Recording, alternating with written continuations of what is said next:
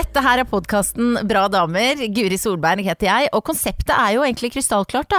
Jeg inviterer eh, damer som jeg syns er kule, som fascinerer meg, som gjør noe imponerende, som jeg beundrer.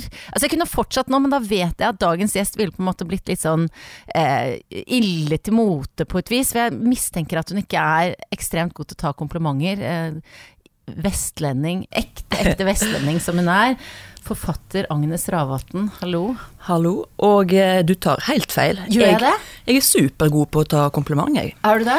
Men det er jo takket være mine ni år i Oslo. Eh, så det er, bare å, det er bare å fortsette for min del.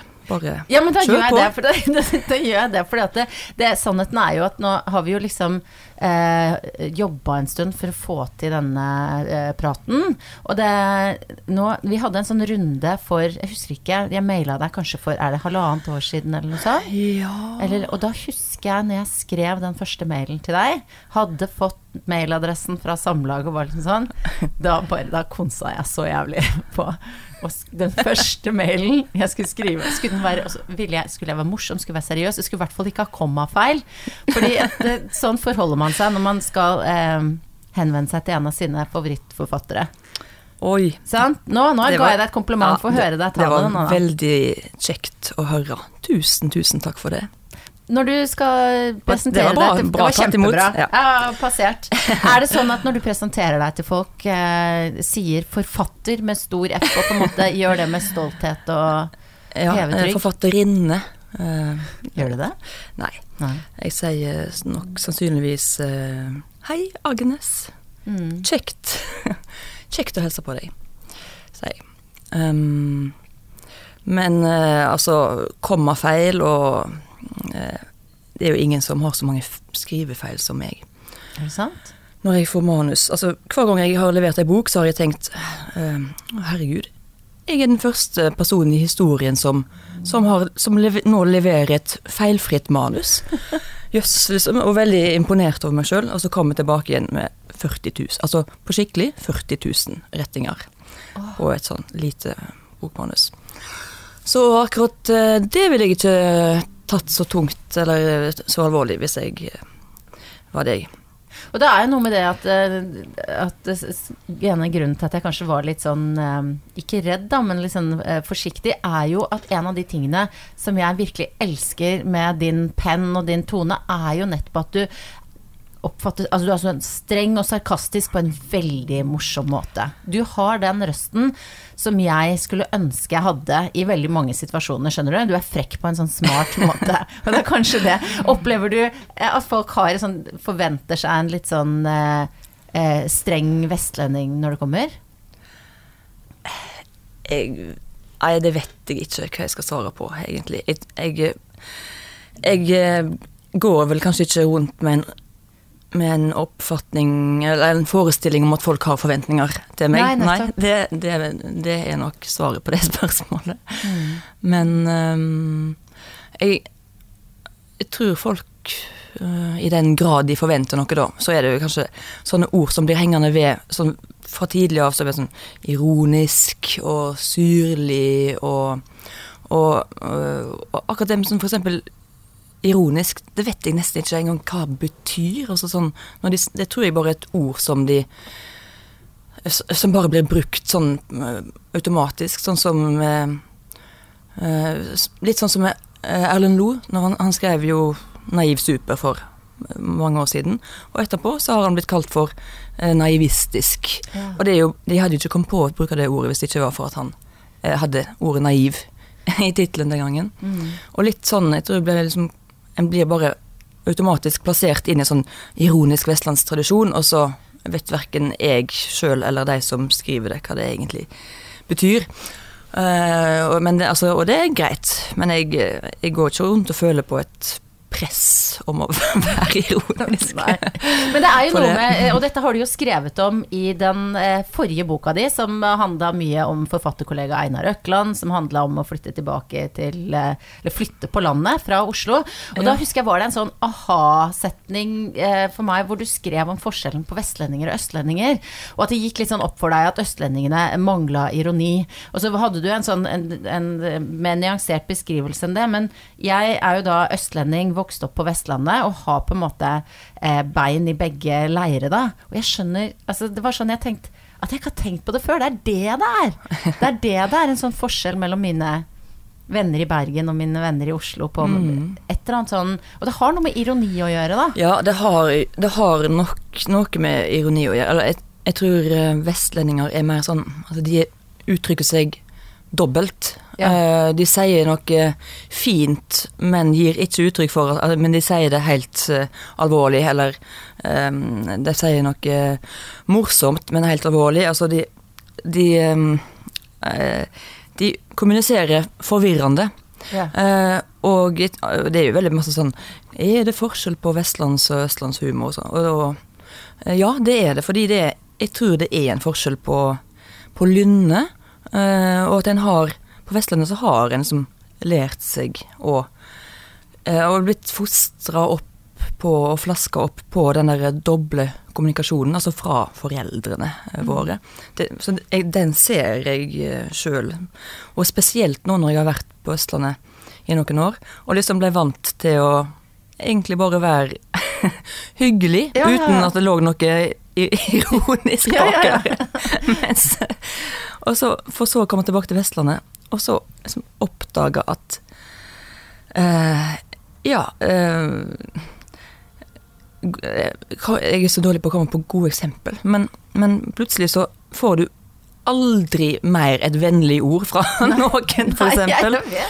ja, det, men jeg vet at det ligger ikke noe vondt eh, bak det, eller tvert imot. Det er en måte å liksom, respektere hverandre på, eller Ja, ja, Men som òg er litt dysfunksjonell, da. For en, eller en blir sånn litt lei av at uh, Ja, sånn når det skjer sånne store ting i livet, da, du blir mor eller uh, sånn, så istedenfor at folk sier sånn eh, Å nei, å nei, å nei, så for en nydelig sånn, Så sier de sånn ah, Hva er dette for noe? Har du, Ja. liksom, har du pissa på deg? Eller sier helt sånn sjuke ting som bare eh, Ja, eh, tusen takk. Og det er sånn. Og dette Og det, liksom- og det insisterer de sånn på. Mm. Og det, Men det er jo en kjærlighet i det også, og jeg merker veld, veldig den der inderligheten som østlendingene har. Altså De er sånn der 'Herregud, du ser helt nydelig ut i dag'. Ja. Du er så flink og sånn. Mens, mens fra vennene mine i Bergen så er det jo mer sånn derre ja, nå må ikke det bli for mye. Nå må du roe deg ned, da. Ja, ja, Altså, liksom. Ja. Og en kollega av meg som sier sånn, han er fra Florø, og han sier det Hvis han sier 'herregud, for en fin genser', så mener han jo mest sannsynlig at den genseren er stygg. Han ville jo liksom aldri sagt at den genseren er fin. Så det Nei. er jo veldig mye sånn eh, det er, det er jo litt slitsomt å forholde seg til på en måte. ja, det er kjempe, altså det er kjempeslitsomt. Nå, kan, nå kan jeg det jo. Ja. Men, eh, men eh, som sagt, jeg, jeg lærte meg virkelig å like den mer rett fram østlandske må... Altså, det å gi komplimenter og, og takka fint for seg, og så eh, bare helt sånn basic siviliserende mm. oppførsel. Det satte jeg egentlig veldig pris på, og begynte med det sjøl, og ble veldig sånn ja, nei, nå, nå, hvis jeg, har, liksom, hvis jeg eh, tenker noe fint om noen, da skal jeg jammen si det eh, til dem, istedenfor å bare tenke det. Begynte å tenke sånn. Ja, ja. Og det er jo, på Vestlandet så er det helt Da blir de mistenksomme med en gang, og begynner å Hm, hva, hva lå det i den beskjeden? Ok, og liksom Eller, ja, eh, begynner å prøve å Altså, de blir helt forvirra. Um, så der syns jeg jo kanskje at Vestlandet eh, kan kanskje mjukne opp litt, da. Mm. Uh, om ikke annet så for, for uh, alle andres del. Ja, men det er i hvert fall, eh, som sagt, det har hjulpet meg veldig å, å få at, at du kunne beskrive det så godt. Det er jo noe med, for da får Ja. man liksom analysert det litt, og det har, eh, ting har falt litt på plass. I hvert fall for meg, og sikkert for flere som har lest den boka. Um, det andre du skriver om der, er jo det at du har flytta på landet. Eh, inn i ironien, holdt jeg på å si. men, men til et lite sted som heter Valevåg. Ja. Det høres ut som et sånt eh, sted i en Maria Parr-barnebok. Sånn Valevåg skole. Ja. ja. Valestrand oppvekstsenter Ja, heter det. nettopp. Ja, ok. Ja, det var ikke helt. Um, jeg flytta til et eh, sånn jeg har skjønt, et småbruk som på en måte var slags i familien din, og som Ja. hadde stått tomt. Og så, Svigerfamilien min, da. ja, ok. Mm. Og så var det et kort opphold som ble langt. Hva var det som gjorde at dere ville bort fra Eller liksom endte opp med å si ha det til Oslo, og Ja. så bli der? Så, som du sier, så var det bare meninga at vi skulle være der i en kort periode. Altså det når, vi bodde i Oslo, vi hadde fått vårt første barn, og jeg hadde hatt min del av permisjonen. Og så hadde vi Mannen min skulle ha sin del, som hadde som seks måneder. Og så var- er det jo sånn at folk reiser til Thailand og eh, New York. Ja, nettopp. ja. Og så, ja, hva skal vi, hva skal vi finne på? Og så og begynte å tenke på ulike land og London og så. Og så «Hå! Valevåg! Og det er da et småbruk som har eh, vært uh, forlatt i 20 år. Men der bestemor til mannen min bodde. Men hun har bodd på, eller bodde på sykehjem. Uh, Hadde gjort det de siste 20 åra, så det hadde bare stått der. Men men, og hadde, delte vi denne Altså visste jo godt om den plassen, og vi visste at det bare sto der. Og begge hadde en sånn Syns vi sjøl, da, dum og naiv og romantisk drøm om det småbruket, som var såpass eh, eh, Tok opp såpass masse plass i oss at vi hadde behov for å bare få avkrefta at det var et liv for oss. Ja, for allerede der, der er jo også liksom litt vestlendingen, da. Sånn, ja, det var jo Ja, dum og naiv. Ja, ja, ikke sant. Det har du det. det, har du det. Men um, så flytta vi der. eh, Og leide ut leiligheten vår i Oslo og skulle tilbake igjen ved nyttår. Vi kom der i august. Og så gikk det liksom et par måneder, og så husker vi bare så på hverandre, og så Vi må jo bare bli her. Og det er veldig vanskelig å forklare hva det var som skjedde. Og det var, det var virkelig ingen av vi, vi hadde absolutt ikke trodd det kom til å skje. Og um, vi håpa kanskje òg at det ikke skulle skje, men så skjedde det, liksom. Og det uh, Jeg bare husker vi sto sånn Det var vel sikkert i oktober, så var det seint i oktober, sånn seint på høsten. og den, den der milde solo som er så seint på høsten, så sto jeg i en sånn skråning rett ned for huset og plukka bjørnebær. Og så utover på bakkene og, og tenkte Dette kan jeg bare ikke forlate. Um, så da eh, Altså komplisert prosess, da, men da kjøpte, bestemte vi oss for å kjøpe den gården. Uh, og gikk, måtte gå til familien, og det var som ti stykk som måtte si fra seg odelen for at vi kunne kjøpe. Altså. Og så videre og så videre. Eh, masse greier med fylkesmannen og herregud, veldig kjedelig papirmølleprosess, men til slutt så hadde vi overtatt, og, og, eh, og det er nå Det er jo fire år siden. Eh, og eh, fortsatt så føles det som å være på sommerferie, da. Og det er, ja, det er helt nydelig. Men den derre For jeg har jo også den samme liksom Kanskje sånn romantisk ideen om Jeg tenker å, så herlig, og liksom fjernt fra alle, alle som ønsker noe fra deg hele tiden, og du har på en måte Pulsen går ned og sånn. Men skjedde, var det de tingene som skjedde med dere? De som jeg ser for meg at skal skje, eller klarer du å forklare det? Delvis. Altså, det For meg så, så handler det kanskje om at eh, det, Altså, de klisjeene om ro og fred og sånn, de, de stemmer. Altså, for meg så stemte de. Um, og så er det en frihetsfølelse der, eh, iallfall for meg, som, som eh, er veldig viktig. Altså, Og det handler om Altså, jeg bodde på, jeg bodde på Briskeby i Oslo. Det er jo altså, mini-Frogner. Altså det er rett bak Slottet, og veldig bra, fint strøk, men ekstremt ressurssterkt strøk. eh, Altså økonomisk og kulturelt og politisk og alt. Og uh, litt um, så heseblesende. Og, altså, jeg merka det spesielt når jeg hadde blitt mor, da. Og gikk rundt og trilla den skranglekjerra av ei vogn som jeg hadde. Og så var det sånn alle gatene var fylt av eh, som damer i tights som gikk og, og jogga med Og det var ikke sånn at jeg beundra deg og ville være sånn, men jeg jeg, er, jeg, altså, jeg har mm, veldig anlegg for å sammenligne meg med folk som jeg egentlig ikke har interesse av å være. Likevel så syns jeg at å, her kommer jeg til kort, liksom. Og, øh, og begynte å tenke mer og mer på det med å øh, Altså at ungene, eller ungen da, på det tidspunktet eh, Hvis den skulle vokse opp der, så ville jeg antagelig ha gått eh, etter hvert på akkord med mine egne eh, ideal for hva en god oppvekst er, tror jeg, eller hva en god barndom er. For jeg, jeg med at jeg ville ha liksom kasta meg på den derre uh, voldsomme um, fritidsaktivitetshysteriet uh, som, ja, ja. som jeg liksom sto på utsida og betrakta, da.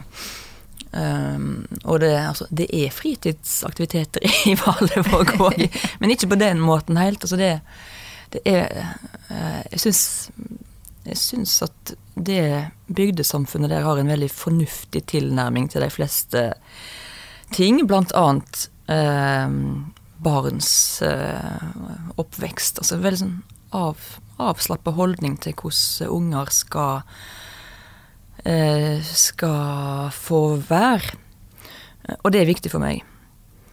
Eh, så det Så, så jeg tror eh, Der kommer den friheten inn, da. Altså frihet fra oss Fra å Altså sammenligne meg med noe som jeg egentlig ikke engang ville være. Mm. Hvis du skjønner? Det, Absolutt. Så det, det, var sikkert noe som var ut, litt utslagsgivende. Men så er det jo òg sånn at uh, hvis du selger en leilighet på Briskeby og kjøper et småbruk uh, i Valevåg, så er du gjeldfri. Uh, og, og, vel så det, og kan Altså, du har òg antageligvis masse mange store oppussingsprosjekt foran deg resten av livet, men, men det er en For meg som er som er forfatter, og som ønsker å leve bare av det, så, så gir det en, eh, altså en økonomisk frihet òg. Så jeg trenger ikke Altså, jeg kan gjøre hva jeg vil nå. Jeg, eh, jeg, skriver bøker og takker ja til det jeg har lyst til, og føler ikke på noe press om å måtte altså, eh, ja, gjør prosjekt jeg ikke er egentlig interessert i, osv. Så, Um, så det er jo òg for meg en stor uh, beveggrunn for at vi har blitt. Utrolig deilig følelse det må være. At du har klart å lage et liv som, som passer deg så bra, da. Ja. Ja. Uh, når jeg hører på radio, sånn typisk sånn P2-programmet Ekko, der er det veldig masse sånn 'Drømmen om det gode liv mm. på landet', og det er veldig sånn masse historier der folk eh, hadde stressende liv, og så, og så ble de utbrent og sykemeldt, og så måtte de eh, gjøre noe radikalt, og så Og hver gang så tenker jeg at det, er Ja, det, det, det er meg dere snakker Altså, mm. ikke at jeg var den som ble utbrent, men det, det, er mitt liv dere snakker om som det drømmen. Ja. Rett og slett. Så arrogant må jeg si, si det. Jeg, jeg har det utrolig fint eh, i, i livet mitt nå. Men, jeg, men, vi hadde det veldig bra i Oslo òg, så det, det, handler ikke om at vi som rømte fra noe, eller og jeg, og jeg, tror at det er veldig fint å være barn i, i by òg.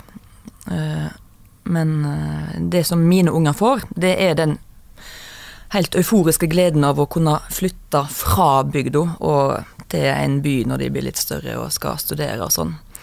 Det blir en vakker gave å gi til Ja, for den, den fikk du vel sjøl en gang? Du ja. flytta fra Ølen, og ja. var det hit til Bergen du studerte? Jeg flytta, til, ja. altså, jeg flytta fra Ølen til Stord, som jo er ei øy i Sunnhordland, men eh, og 16 000-17 000 innbyggere. Så det, men for meg så var det veldig, veldig stor opplevelse å komme til en by.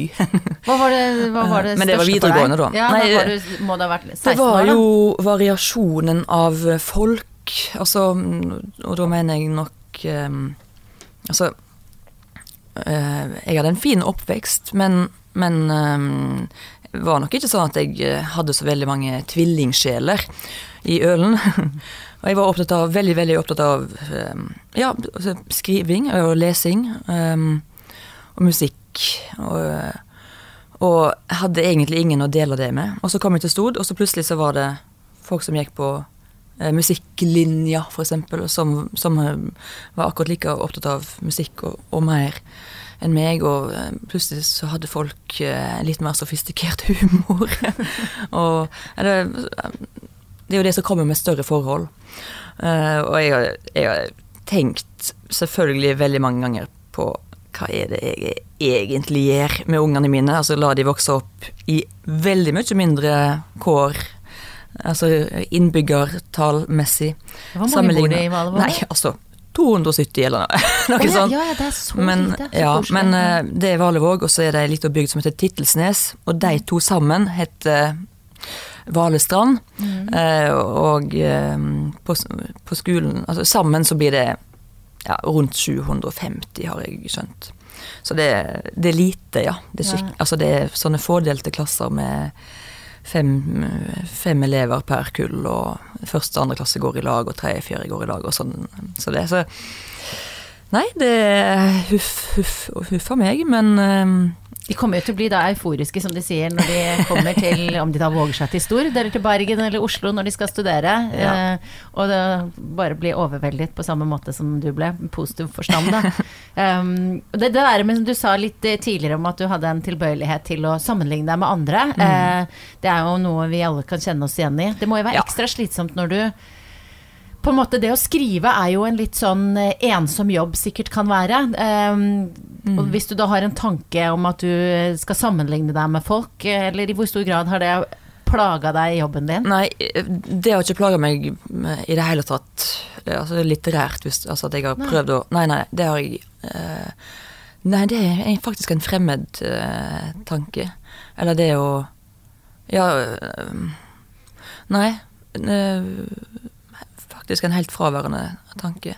Så det med å sammenligne seg handler jo mer om Altså, de, de overfladiske og dermed uviktige tinga som går på utseende og leilighet og så, sånne Ja, ja, ja. ting, som, jeg- som jeg jo vet er er uviktig og, og irrasjonelt, men som en likevel bare er der, da, som en sånn derre ja, dum stemme som, som driver og klorer deg på ryggen. Det, mm, men men eh, litterært så har jeg et, Nei, et, og jeg tror ikke jeg kan forestille meg at de andre har det sånn heller, at en liksom sammenligner seg med altså eh, andres suksess eller Men det kan jo være at en eh, Jeg kan godt være misunnelig på andre forfattere, men på en positiv måte. Altså Ja. Oi, eh, for en for, vellykka, for en vellykka bok. Eller en leser formuleringer som en skulle ønske at en hadde skrevet sjøl. Men det, det er mer oppfatter jeg mer som en sånn godsinna Ja, det er ikke noe som gjør eh, deg misunne- usikker, liksom? Nei. Nei, så Nei.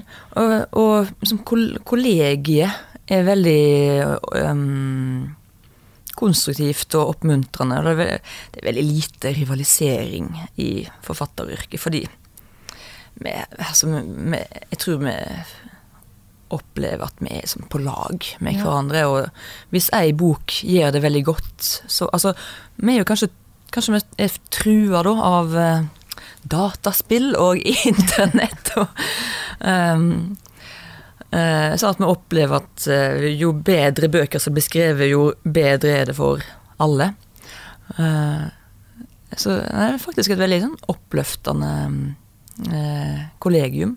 Ja, du sier kollegium. Er det, hvem er det du, som er dine nærmeste kolleger, hvem er det du kan eh, jeg vet ikke, jeg, utveksle erfaringer med og snakke med Nei, det er altså, Det er jo flere, og det er liksom tilfeldigheter hvem en, en En treffer jo ofte hverandre på litteraturfestivaler og arrangement og, og sånn. Men, eh, men, eh, jeg har noen faste lesere liksom, som, jeg, som jeg bruker i prosess. Um, og jeg har noen som jeg pleier mye tettere kontakt med enn jeg gjør med andre. Men det, jeg har uh, Altså Erle Nødtvedt, som bor i Bergen, han har jeg uh, mye med å gjøre. Og så har jeg en veldig god venninne som heter Kjersti Rorgemoen, som òg skriver helt fantastiske bøker. Og hun jeg og hun bodde på Eller bodde i lag. Vi gikk på Skrivekunstakademiet i Bergen i lag for Hva blir det? Det var 2004 og 2005, så ja, snart 15 år siden. Mm. Uh, og hun, uh, hun, har òg flytta fra Bergen og til et småbruk, men i Telemark, der hun kommer fra. da. Så, så den uh, kontakten med med andre som skriver, og som skjønner hva eh, en syns er vanskelig, og hva en sliter med, og sånn, den er jo veldig fin. Men det er ikke sånn at en Ja, kanskje andre gjør det. Jeg snakker ikke sånn veldig inngående kanskje om uh, I en prosess med andre forfattere. Men det handler litt mer om at stort sett så, så klarer en å løse sine liksom, litterære problem best sjøl, tror jeg. Eh, og så har en jo en redaktør som en jobber eh, i mitt tilfelle ganske tett med, og andre har kanskje litt mer distansert, eller Men um, Og der oppstår veldig mye av Av um, den tenkinga en, en ikke helt får til sjøl i en skriveprosess. Men har du, altså, sånn, sånn, som man sier, sånn litterære problem, hva, altså, eller mm. jeg vet, hva kan det være? Skrivesperre, ja. eller hva, hva, er det denne karakteren ja. vil? Er det sånn type ja. ting hvor du ikke Er dette interessant nok? Hva er det du kan sitte og tenke på? Alt, alle de tingene? Uh, ja. Og um, hvorfor fungerer ikke denne scenen uh, sånn som man skal? hva er egentlig funksjonen til denne scenen? Skal den ut, eller kan den Det altså, det er masse forskjellig, men det er ei, en god fortelling skal jo være uh, Altså eh, Iallfall mine siste bøker, de har jeg jobba med. De skal være Det skal ikke stå så veldig mye mer enn nødvendig. Uh, og så en veldig stor del av arbeidet handler jo om å stryke. Uh, så jeg har nok skrevet kanskje tre ganger så lange Altså i utgangspunktet um, manus som sammenlignet med hvor stor boka er når den kommer fra trykkeriet. Hvor ligger, Blir det borte, sletter du det helt, eller ligger det liksom sånn derre eh, fugletribunal, 100 ekstra sider som aldri kom ut, eller siste boka nå, det er sju dørene. Er det liksom Ligger det noe sted? De ligger vel en plass i Altså, de ligger jo i skriveprogrammet, ja. Mm. Men eh, det er ikke noe jeg har. I dokumentmappa. Og eh, det er jo virkelig ingenting jeg liksom går inn og ser på. Å, her var det jo noen interessante tanker. Nei, altså for min del så kunne jeg bare ha sletta hele dokumentet, altså. Når ei bok er ferdig, så er jeg så ferdig at da orker jeg knapt faktisk å åpne den boka når, når den er kommet. Eh, så jeg syns den fasen som jeg er i nå, når jeg ja. liksom driver og lanserer bok Herregud, så, så kjedelig eller, og slitsomt. Og høre meg sjøl si de samme tingene igjen og igjen. Og det. Men så er det jo viktig altså, så er det viktig å gjøre det. fordi det, altså det er En skylder forlaget det, egentlig, fordi de har jobba masse med bok og legger masse ressurser inn på Og, og en har jo lyst til å selge bøker, for det betyr at du har eh, fortsatt økonomisk frihet til å kunne Altså det betyr at du kan fortsette som før, og det er det en vil.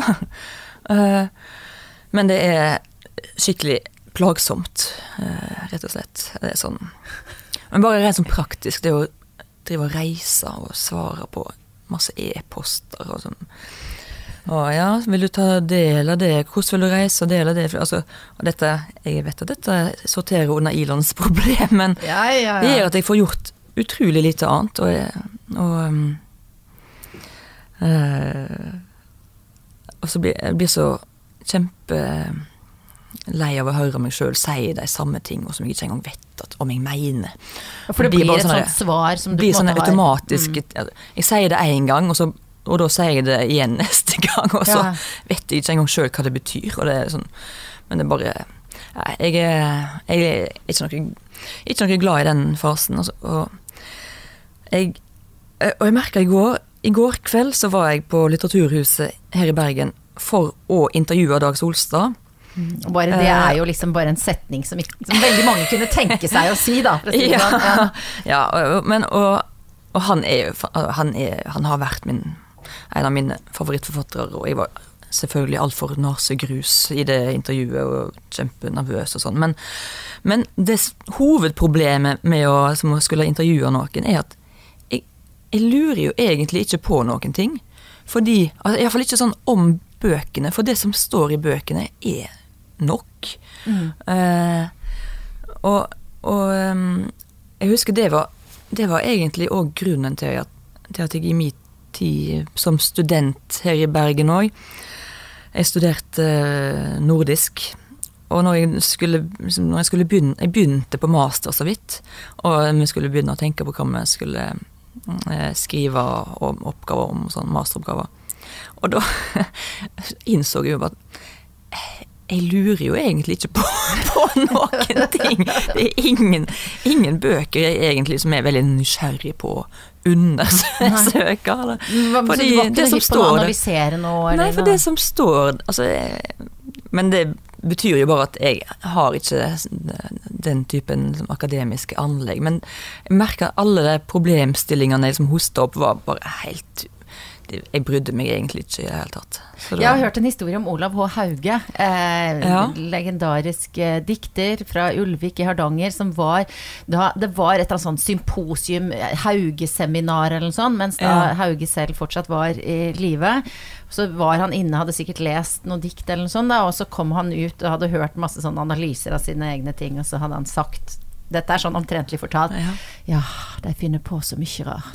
ja. sånn? Og på en måte for han som avsender dette, så var det liksom Ja. herregud. Da var det sikkert masse akademikere som kunne mye. Ja, ja, så leser de symbol inn i ting som egentlig bare er- ikke er mer enn hva det er, og så, og så videre. Så jeg, jeg merker at em, dette er ikke noe for meg, liksom. Eh, men jeg syns det, det kan være veldig interessant å lese em, Altså jeg, jeg, Av og til så leser jeg faktisk, eller skumleser, masteroppgaver som andre har skrevet fordi de, de har skrevet om bøker som interesserer meg, og det skjer faktisk.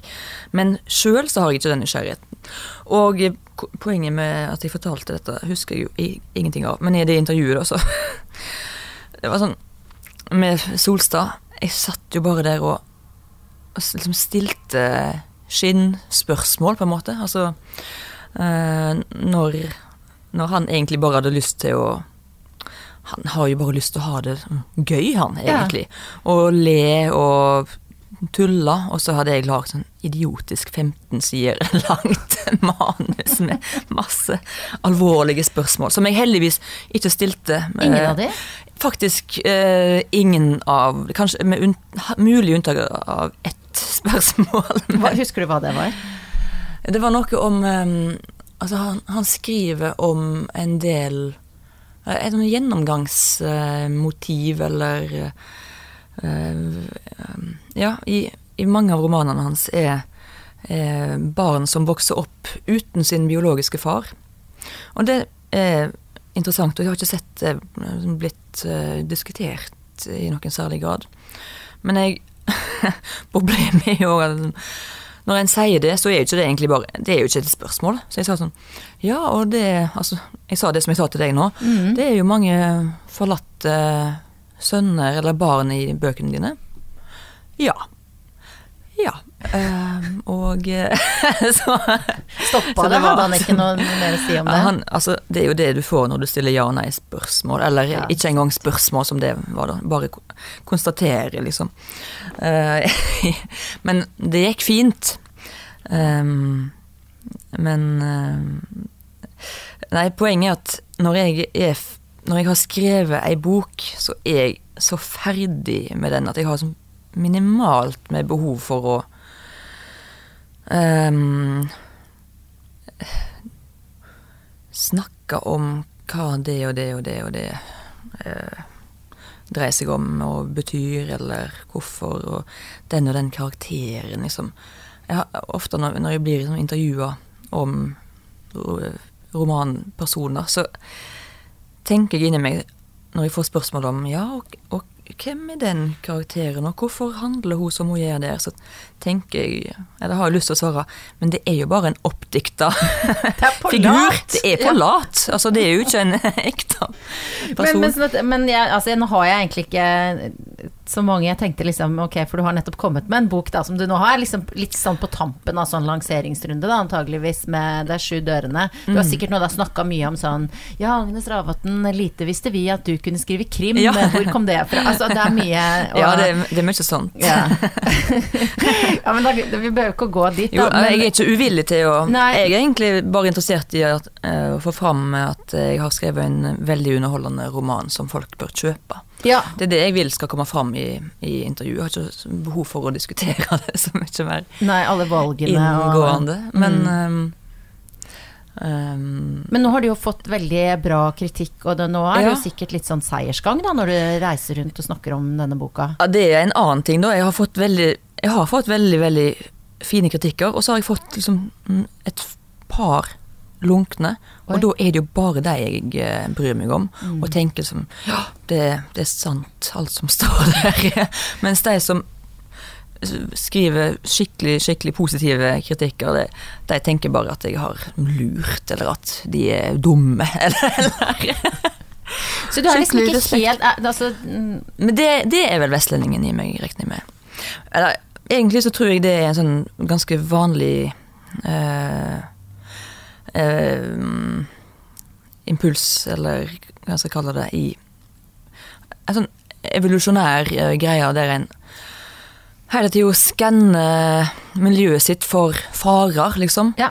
Eh, sånn som en nødvendigvis gjorde for noen millioner år siden, at en hele tida var på vakt overfor Og hvis alt ser greit ut, så da er det fint, men eh, mens eh, Altså, en henger seg opp i, i trus, eh, truslene og det negative, mens, mens eh, det positive blir bare mer sånn Ok, det, her, her er det greit. Mm. En går ikke og liksom henger seg ikke så veldig opp i, i det du får av gode ord, men en henger seg veldig opp i det som er som utgjør en uh, ja. trussel. det, det er liksom med oss eh, fra, altså, fra våre forfedre, ja, det, tenker du? det tror jeg faktisk det er, ja. Og, ja, og det er jo helt riktig. Altså jeg, Senest i går så fikk jeg en sånn melding fra en som var glad i podkasten min, da, og skrev Mm. utrolig hyggelige ting, men som også hadde en del sånn innvendinger i Ja. liksom sånn gjestevalg og sånn. Og Jeg Ja. ah, har tenkt så mye på det. Kjempeirriterende. Og liksom får lyst, og så har Hvem jeg svart. faen er du, liksom, som tror at Det kan jeg jo ikke si. Nei, ja, nei, jeg, jeg- det var- jeg ba deg ikke om å- så har jeg tenkt Så satte jeg meg ned sånn Nei, nå skriver jeg et nytt svar. Ja. Altså, jeg, altså jeg fyrer meg opp, bruker Ja. mye energi på det. Mm. Og det er vel kanskje den der og får en sånn veld, et veldig ønske om å vinne henne over. Det er jo veldig ofte Eller å kjefte. Ja, litt begge deler, egentlig. ja. Kjefter du eh, mye? Nei, altså jeg, Ja, inni meg. Ja, okay. Men jeg, eh, jeg skriver aldri e-poster i affekt, for å si det sånn. Nei. Men jeg har veldig lyst eh, Veldig lyst til det.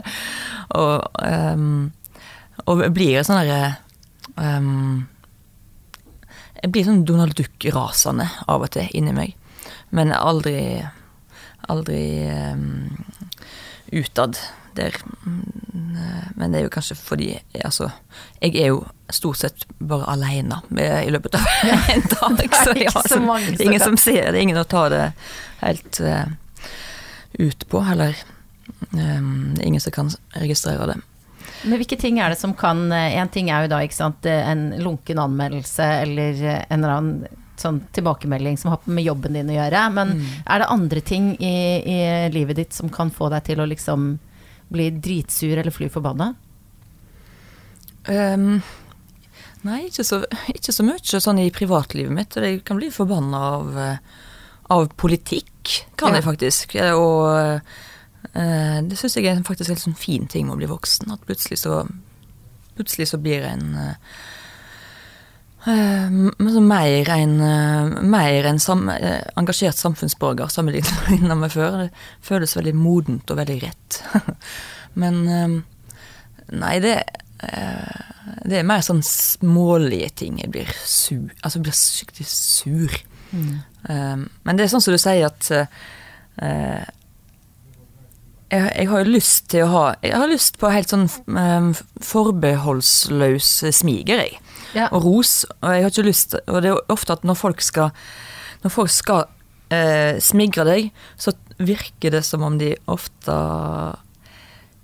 tror at de må gjøre seg sjøl liksom interessante ved å òg ha noen innvendinger.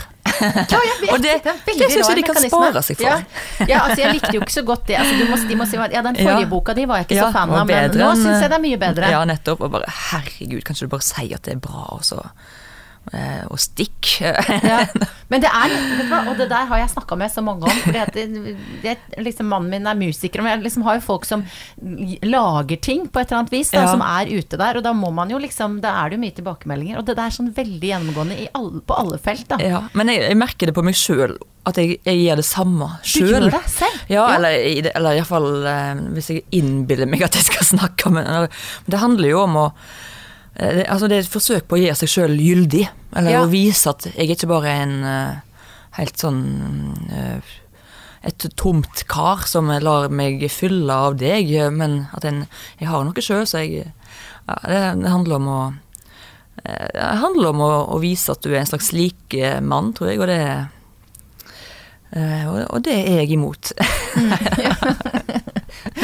Ja, men det er eh, Ja, folk kan godt slutte med det. Men det er sant, det er en Man kan forstå liksom hvilke mekanismer som ligger bak, da. Absolutt. Um, selv om jeg, jeg tror jeg gjør det sjøl òg, når jeg tenker etter. nemlig. Ja. Mm. Man har, det handler hele tiden om et slags sånn sosialt spill da, hvor man skal ha en eller annen eh, rolle. Ja, ja, det er jo det er akkurat det.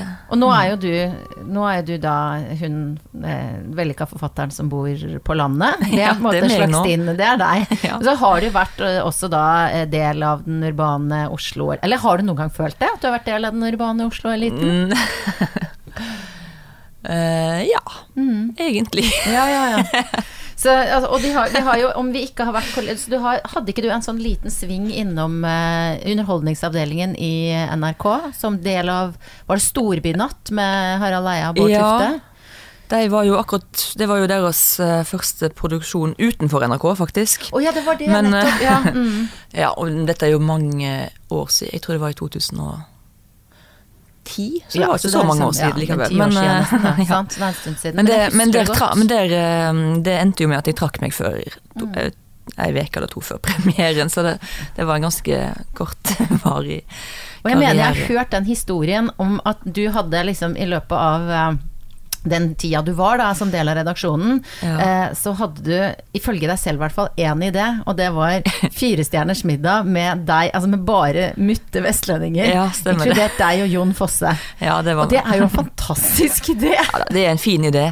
Uh, ja, og, og den Altså, min rolle var liksom litt sånn uavklart i den redaksjonen, men jeg skulle være en slags utegående reporter, og altså, jeg skulle, jeg, jeg skulle være på skjermen, liksom. Eh, og og eh, bare, jeg ble helt lamma av tanken på at jeg, skulle være på TV. Uh, så jeg, jeg, jeg Fra jeg kom inn i, i redaksjonen, så så alt stoppa helt opp. Det var en sånn rullegardin som går ned, rett og slett. Men det var den ene ideen jeg Ja. hadde da, at jeg skulle lage en sånn firestjerners middag med vestlands... Altså, ja, mutte vestlendinger, akkurat sånn som du sier. Eh, og de andre syntes at det var en god idé, så da var det sånn, ja, da um, Og jeg tror faktisk at eh, om det var Bård Tufte Johansen da, som, som ringte til Jon Fosse og, og presenterte, la fram ideen. Og han sa ja til å delta i, i den sketsjen. Og da fikk jeg helt panikk.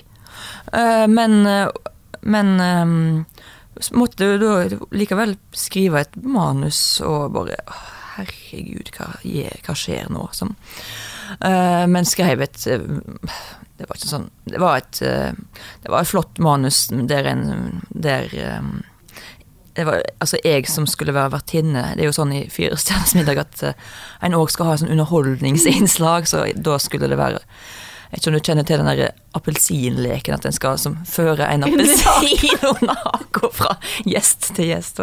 Det var, det var underholdningsbidraget. Og, og bare tanken på at ja, skal jeg faktisk egentlig gjennomføre dette? Men eh, endte opp med å sende manuset til Jon Fosse. og eh, fikk svar tilbake ganske kjapt. Eh, gode Agnes, liksom Takk for dette. jeg skal til Kina, så jeg kan dessverre ikke være med likevel. og den lettelsen som raste gjennom meg da, kan jeg ikke beskrive med ord. For det, jeg ble utrolig glad for at han ikke kunne være med. Men det jeg òg Men så skrev jeg eh, takk for svar. Eh, og du er, du er, så heldig som slipper å som, som, skal til Kina og som slipper å være med på dette. Jeg har heller ikke noe lyst. Og så skrev han tilbake. Du, du velger sjøl hvem du vil være, Agnes. Og så ble det en sånn Det brant seg sånn fast ja. i meg. Du velger sjøl hvem du vil være. Ja. Og da da drakk jeg Dette var sånn på formiddagen på, i leiligheten min. Drakk jeg to Fernet. og så ringte jeg, ringte jeg til Harald ja. Eia, mm. og så sa jeg eh, Jeg trekker meg fra Storbynatt. Og han var veldig Altså, han skjønte det. Han, eh, trodde du han hadde skjønt det, altså sett nei, det komme? Nei, det tror jeg ikke, men han, han, han, prøvde ikke veldig hardt å få meg til å bestemme nei, meg. Nei. Men de var veldig, veldig fine. Altså var, alle var sånn Det går bra, ikke tenk på det. Um, og jeg, eh, jeg er fortsatt veldig glad for det valget, for eh, jeg merker at jeg er en sånn person, og det er litt tilbake til den, det der med å sammenligne seg med folk og sånn, men uh, jeg har ikke godt av å være eksponert. Uh, altså, jeg blir så sjølbevisst av det. Uh, og på en veldig plagsom måte. Og det å, det å skrive er for meg helt perfekt. For det er jo et element av, av eh, ekshibisjonisme i det å være forfatter òg, men, men, ikke Men på en veldig mye mer avbalansert måte enn hvis du f.eks. er på TV. Um, og så, så, jeg bare husker hvordan jeg satt i den redaksjonen og skulle liksom Og spilte jo inn forskjellige helt håpløse sketsjer um, med meg, da. og hvor du liksom var skuespiller? Ja, der jeg var skuespiller. Ja. Men der jeg lengta sånn til det skrivebordet jeg hadde eh, i leiligheten min, og bare tenke at jeg er her når jeg kunne ha sittet der. Så det var eh, Altså, den, den prosessen, eller den, den uh, veldig korte turen innom TV-bransjen da, var for meg utrolig avklarende. At Nei, jeg vil skrive. Ja. Jeg vil ikke dette. Det var en veldig sånn nyttig erfaring. Da, da, da, trenger jeg ikke å lure mer på det, om jeg egentlig skulle ha vært på TV. På TV. Og så, så veldig sikker på at du gjør det riktig nå, da. Ja. Mm. Mm. Men jeg er veldig takknemlig for at de ga meg Altså, at de ville, at de ville prøve det ut. Det syns jeg var veldig Det var et ganske lite opplagt valg eh, for, for en sånn Ja, det er det som gjør det veldig spennende, da. Ja, at, mm. var, at, du var kanskje litt sånn en, den odde ja, i den redaksjonen. Det kunne jo, kunne jo ha blitt bra òg. Det kunne jo ikke de vite, stakkars. Ja, det kan jo veldig godt hende. Jeg tror det hadde blitt dritbra, men det er ikke noe, nei, det, er ikke noe altså, det, det hadde du, faktisk ikke det. Du tror ikke det? Nei, nei jeg vet. Altså, det hadde ja. ikke det. Um, faktisk. Men det, det, og det handler om uh, trygghet òg. Jeg var grunnleggende utrygg eh, foran Både foran og bak kamera. Altså, i um, altså, Takla ikke formatet. Og fikk enorm respekt for de som faktisk eh, er på TV. For, eh, og helt enorm respekt for det som, for det som Harald Eia og Bård Tufte Johansen gjør og har gjort i så mange år. Og, altså, hvordan de, har, hvordan de har klart å være så tilsynelatende så fri og så grensespringende eh, i så masse av det de har gjort. Helt utrolig djupt imponerende. Men litt lei meg likevel for at vi gikk glipp av deg og Jon Foss sin appelsinleken. Det Akkurat det med eh, appelsinleken hadde kanskje blitt bra. Ja, så en gang i fremtiden får vi se om det blir. Vi har bare så vidt vært inne på den nye boka di, og um, Ja, som jeg er så Ja. uvillig til å snakke om. egentlig, hva er det? Hva er det hun vil? Hva er det hun vil, litteraturprofessoren som løser den drapssak? Men, eh, vi kan det- bare nøye oss med å si at det er veldig, veldig Ja, veldig, veldig bra. Alle bør kjøpe den. Ja. Nei, men det som jeg, som jeg lurte på, er Det er jo alltid, alltid et element av forfatteren sjøl inni, og så kan man diskutere hvor mye og hvor lite og alt mulig Ja. sånn, ikke sant. Uh, det som har skjedd siden jeg uh, maila med deg for Jeg husker ikke når det var, er jo at du har vært ganske Eller Ja, jeg vet ja. ikke hvor sjuk du har vært. Du har vært veldig Du har en Ja, det var jo kreft, så det er jo, det Det er var- jo sjukt. Ja, det er, det er det vil jeg si er sjukt, ja. Men, eh, Men jeg tror du har rett. Det var, det, var, jeg tror vi egentlig hadde en avtale, eller ikke, men en intensjon om å lage podkasten. og så Og ble så du kanskje jeg ikke svarte Jeg på den e-posten e-posten uten kommafeil. For det er jo nå halvannet Nei, det nærmer seg to år siden. Det var i november-desember 2017. Ja, for det kan jo bare, sånn Grunnen til at jeg trakk inn boka di, er at det er noen noe kreftleger og noen Absolutt, ja. følelser der i den boka som Ja. eh, du kanskje har uh, henta fra dine egne erfaringer, da. Ja, jeg hadde ikke Altså, utgangspunktet for den boka, selv om de tilsynelatende ikke ser sånn ut, er, er den pasienterfaringen. Ja. Um, som eh, Siden jeg er frisk, så kan jeg si at jeg syns det var en, faktisk en og ganske fin erfaring å være eh, pasient. For, um, for en blir bare så utrolig godt tatt vare på. Men det, det er mulig at det gjelder Det hører jo flere si, men at, at det gjelder spesielt for kreft, da. Eh, og at andre ikke føler seg like, eller blir like eh, godt tatt vare på. Men altså, hele apparatet fra du får den diagnosen eh, Nå snakker jeg bare ut ifra mine egne erfaringer, men eh, var altså, grunnleggende god Altså, du møter så gode folk i alle instanser. Og det gjorde veldig djupt uh, inntrykk på meg. Så jeg, jeg anbefaler ingen å få kreft, men jeg På forhånd så ville jeg trodd at, at det er det absolutt verste som kan skje. Og dette sier jeg fortsatt med det i bakhodet, eller, som premiss at nå er jeg frisk, så jeg, derfor kan jeg eh, bagatellisere det. det Men er du frisk? liksom? Ja, altså, det en oppdager som kreftpasient, og som mange sikkert ikke vet på forhånd, er jo at du blir jo liksom ikke friskmeldt fordi du er Altså For det er jo det folk spør om. eh, Som, ja, er du frisk nå? Og så ja, jeg føler meg frisk, og jeg har ingen sjuk... Altså, nå svarer jeg nå for, min- for min, min egen del. Jeg føler meg frisk, og jeg, jeg har ingen sykdomssymptom eller noe sånt. Men jeg går jo til kontroll hver tredje måned, og skal gjøre det i ti år. Eh, ikke i hver tredje måned, men se, altså, mm, mindre og mindre hyppig etter hvert. Da. Og det er jo en grunn til det. Så, så eh, det er helt sjokkerende hvor lumsk eh, kreft, eh, kreftceller Hvor lumske de er, og hvor, hvordan de kan gjemme seg og så plutselig dukke opp igjen år etterpå. En trodde at en var friskmeldt, så, så, eh, så Dette sier jeg ikke for å som gjøre meg sjøl interessant, men jeg, jeg, jeg tror at jeg er frisk, Ja. eh, og jeg føler meg frisk. Jeg, eh, men det ligger jo alltid ja, Det ligger der som en trussel, det gjør det. Og det gjør jo antagelig noe med meg, men um, det, det er jo ikke Altså, det er jo virkelig ikke dumt å, å hele tida ha en påminning om hvor skjørt og dyrebart livet er. Uh, så jeg, jeg Ja, det kommer Altså, det blir jo òg en floskel eller en klisjé, men, men um, du får jo et eh, et liksom eksistensielt alvor uh, inn der, som ikke var der på samme måte før. Um, men det kan være bra, som sagt. Altså det eh, så, så lenge det bare ligger der som, et, mm. som, et, som en trussel, og ikke at det blir realisert, at jeg, at jeg blir syk igjen. Det har jeg jo ikke lyst til.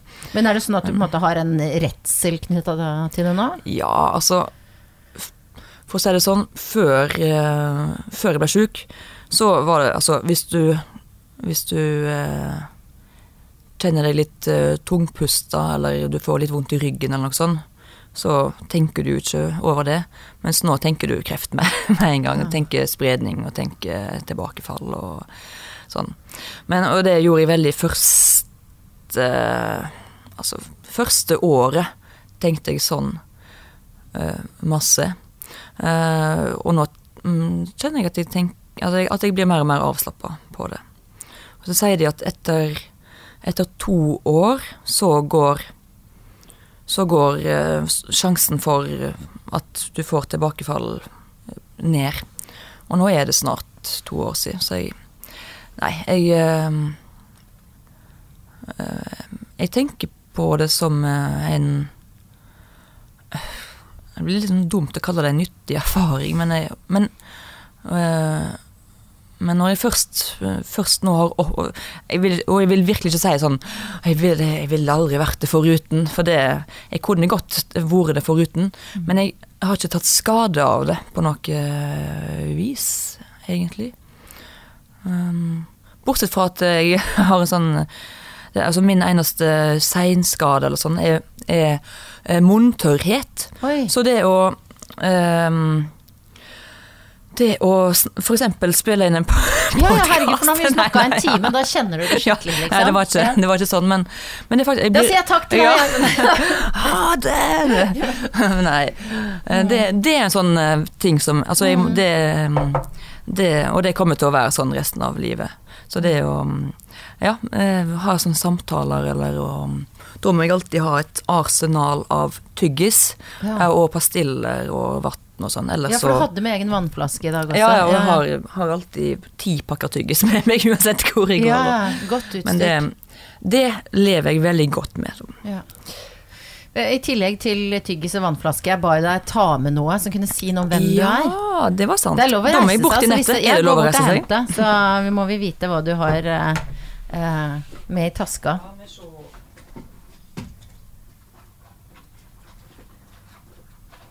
Due og drone har du i hvert fall. Er det Kjartan Fløgstad du leser? Ja, jeg- mm. Jeg eh, skal, jeg tenkte jeg må et, eh, måtte lese Ja, får vel lese den. Jeg får vel det. Nei da, jeg gleder meg til den. Um, ja, kanskje ikke sånn kjempeoriginal Eller ja, ja, jeg vet ikke. Jeg var først litt det er sånn, pennen er det en eyeliner eller er det en penn? Jeg har nettopp. mens Det er begge deler, nemlig. Nei da. Men du, altså fyllepenn, du sk altså, når er det du bruker den? Det er når jeg skriver. Skriver du romanene dine på hånd? Store deler av de. Så um, bortsett fra Og det har jeg gjort ja Sist uh, Jeg tror jeg begynte med å skrive for hånd igjen, sånn ca. i 2013. Underveis uh, i arbeidet med Eller å, 12 eller 13, samme det. Men mens jeg skrev Fugletribunalet, så hadde jeg, hadde jeg noen sånne eh, skrivesperreveihindringer som eh, gjorde at jeg eh, måtte Skjønte jeg måtte ta et eller annet grep, men visste, visste ikke hva grep. Men eh, jeg begynte å skrive for hånd, og da løsna ganske masse. Så det praktiserer jeg nå. Jeg skriver eh, Og det var nesten som en sånn ja, det var, hadde egentlig òg sammenheng med en, en sånn digital detox eh, som jeg òg gjennomgikk på den tida, for jeg holdt på å bli gal av å sitte på internett og istedenfor å jobbe. Um, så jeg eh, Da begynte jeg å altså, arbeid, Når jeg gikk til arbeidet, så gjorde jeg det ved å ikke ta, slå opp laptopen eller Men bare sitte med en bunke papirark og en penn. Og det Da blir du jo mye mindre distrahert enn hva en blir når en sitter på en eh, maskin. Så det, det var egentlig utgangspunktet. Men det skjer jo òg et eller annet eh, Dette det er forska litt på at eh, når en skriver for hånd, så aktiverer du større deler av hjernen enn når en liksom sitter og trykker ned taster. Eh, fordi, fordi du må Altså, skriving er jo en form for tegning, egentlig. At du, du former jo hver bokstav eh, for seg, og det eh, kobler inn, eller aktiviserer, eller aktivere s- eh, høyre hjernehalvdel mer. Og det er jo den sånn kreative, intuitive eh, hjernehalvdelen. Eh, som altså, folk som skriver for hånd, syns og rapporterer, og jeg, jeg syns det sjøl òg, at det, du kommer inn i eh, Altså, tankene flyter litt lettere, og mm, kjennes liksom litt friere, og um, du kommer inn i et eller annet litt annerledes enn når du sitter på tastatur. Men nå eh, Vi skal være helt ærlig eh, i denne podkasten din, så skriver jeg mindre og mindre for hånd. Ja. Jeg bruker det mer som når det stopper opp, så går jeg over til å skrive for hånd. Til jeg kommer inn i den flyten igjen, og så skriver jeg på, på data igjen. Og det begynte jeg med faktisk når jeg ble sjuk, for da tenkte jeg at nei, nå har ikke jeg tid til å, nå har ikke jeg tid til å skrive for, skrive for hånd. Det tar, det tar for lang tid. Ja. da trodde jeg liksom at eh, ja, herregud, hvor lang tid har jeg igjen nå, liksom? Før jeg fikk vite mer om eh, om uh, hvordan ting lå an, men, men um, eh, Så nå skriver jeg veldig masse på datamaskin, men eh, som sagt, jeg hopper over til, til penn og papir når ting går som litt trått. Det, Det et anbefaler jeg folk. godt tips, egentlig. Ja, det er, det er faktisk et veldig godt tips. Ja, selv om altså eh, fyllepenn er jo Altså, jeg har ikke skrevet med fyllepenn. Å nei, gud, nå skriver den fra hverandre. Ikke ødelegge Pass, Eh, pass. Kan ikke komme med flere romaner Ja. grunnet dum journalist. Men, men eh, jeg har ikke skrevet med fyllepenn siden jeg var tolv, kanskje, eller sånn. Hvorfor skrev du med fyllepenn da du var tolv? Nei, fordi vi hadde det på skolen. Å ja, så du Ja. er faktisk 80, 80 år i år? Ja, da jeg var liten. Ja. Nei, altså jeg er jo noen år eldre enn deg, men likevel på Voss, eh, på Vangen skole, der oh. hadde vi finskriving med fyllepenn. Hadde dere det? Ja, ja, ja. Altså med blekkhus? Ikke Eller- blekk, det, ja, Men det var liksom da, patroner inni. Ja, ja. Som, sånn som i den. Ja, så, Så, eh, så flott, da. hvis det er noen andre som har opplevd det, skriv inn. altså, jeg er venstrehendt, så jeg trodde i alle år at jeg ikke kunne skrive fyllepenn. Men så oppdaga jeg et hurtigtørkende blekk som denne pennen eh, benytter seg av, da. Så- Nå er det forfatternerding på Ja, høyt nivå her. Det det er nok det. jeg det. sånn pris på. Så da er jeg glad Skal for vi Skal vi gå over til papir? Eh, det har nei. jeg òg en del på hjertet. Ja, gud, jeg vet det. For det, har ikke du også skrevet om dette her? Jo da, Eh, jeg har- jeg Syns har jeg husker noe sånn den der følelsen av det var riktig papir, det var riktig penn. Ja, ja, ja. Få lov å det, si er det handler jo om arbeidsvilkår, dette. Det er veldig viktig. Nei, jeg skal, uh, nei, jeg skal ikke si så veldig, men uh, hvis, du, du, hvis du skriver med fyllepenn, så er det viktig at papiret ikke er for bløtt, og ikke altså absorberer for masse blekk. Det var alt fra meg i, Ja. i den sammenheng. Ja, men det var nyttig eh, lærdom. Før vi helt avslutningsvis går eh, innom den mest sånn eh, kjappe, overfladiske, deilige delen av denne podkasten. Tre sånne kjappe spørsmål jeg pleier å stille til alle gjestene mine. Ja. Hva spiste du til frokost i dag? Eh, egg og bacon. oh, ja, men du får du bo på hotell? ja. Oh, ja. Da jeg ehm, Ja, det gjør jeg alt, alltid. Jeg spiser ikke Etter ikke det, lager ikke det hjemme, egentlig. Eh, Men på hotell så kjører jeg helt dønn meg og bacon-show. Og hvor lang tid brukte du på å finne ut hva du skulle ha på deg i dag? Veldig kort tid, for jeg har bare med meg Og dette er òg noe annet som jeg, nerder veldig på. Men jeg, jeg er en pakkeekspert. Oi, så bra. Så jeg, eh, jeg tar bare med meg klær som jeg Altså, jeg planlegger hva jeg skal ha på meg. Så jeg har med meg veldig få, med, og, men uh, veldig utsøkte antrekk. ja, men det er veldig Så det tok mindre enn to sekunder. ja. Jeg hadde lagt det fram på stolen. Når hadde du sex sist? Ja, det er et fast spørsmål, ja.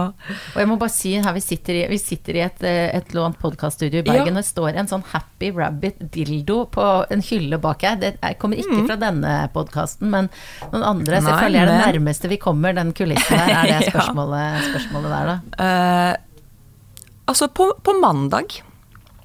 I dag er det torsdag. Ja, Mm. det, Det er bra. Ja, det er, det er eh, ja, bedre enn meg. Hvis det er bra, hvis det er en sånn prestasjon, da. Det er vel gjerne det. Det er det. Ja, det er det. Ja, ok. Ja, helt klart. Eh, Men er det Altså, når du stiller det spørsmålet, det, har det skjedd at folk sier sånn Ja, nei, det det blir vel sju Altså, er det noen som blir veldig lei seg, eller er det noen Ja, som blir sjokkert? Ja, det er noen eller som blir litt sånn eh, Som reflekterer over sin Altså ja, det er noen, Jeg tror kanskje de som egentlig har det verst, er kanskje de altså, Noen har jo ikke lyst til å snakke om det, og det er jo helt forståelig. Men så er Det det, er et ganske- Jeg tror eh, Anne Marit Jacobsen kom et veldig fint svar, for hun begynte Ja. å snakke om ulike typer kjærlighet. Hun ble for, først litt i forsvarsposisjon, helt Ja. naturlig, for det er et ganske sånn frekt og direkte spørsmål. Men så endte frekt. det opp med et eh, nydelig svar om eh, glimt av lykke i livet. Også når man er ensom eller når man opplever forskjellig type kjærlighet. Ja. Så da tenkte jeg jeg syns ikke det var så dumt det spørsmålet likevel. Men hun svarte ikke Hun Nei, svarte ikke men like det lå vel litt kanskje mellom linjene at det ikke var på mandag. Men Nei. eh, det vet jeg jo ingenting om. Nei, det kan ha vært samme dag, for den saks skyld. Agnes Ravatn, tusen takk for at du kom. Og eh, lykke til med Skriv mange bøker som jeg kan lese, og de som er på den podkasten. Jeg vil bare si at eh, altså, jeg, har, jeg er villsaubonde nå, så jeg Ja. tar imot bestilling nå for, til, for pinnekjøtt til neste år. 2020. Så jeg føler at denne podkasten burde vært mye lenger. For at du er, du er pakkeekspert, du er villsaubonde, du er ikke sant, og, og Ja, men papir kan og penn. kan vi starte en pakkepodkast i lag? Så, jeg så, jeg, så blir jeg med på det. Dette kommer jeg til å eh, følge opp. Tusen takk skal du ha. Takk for meg.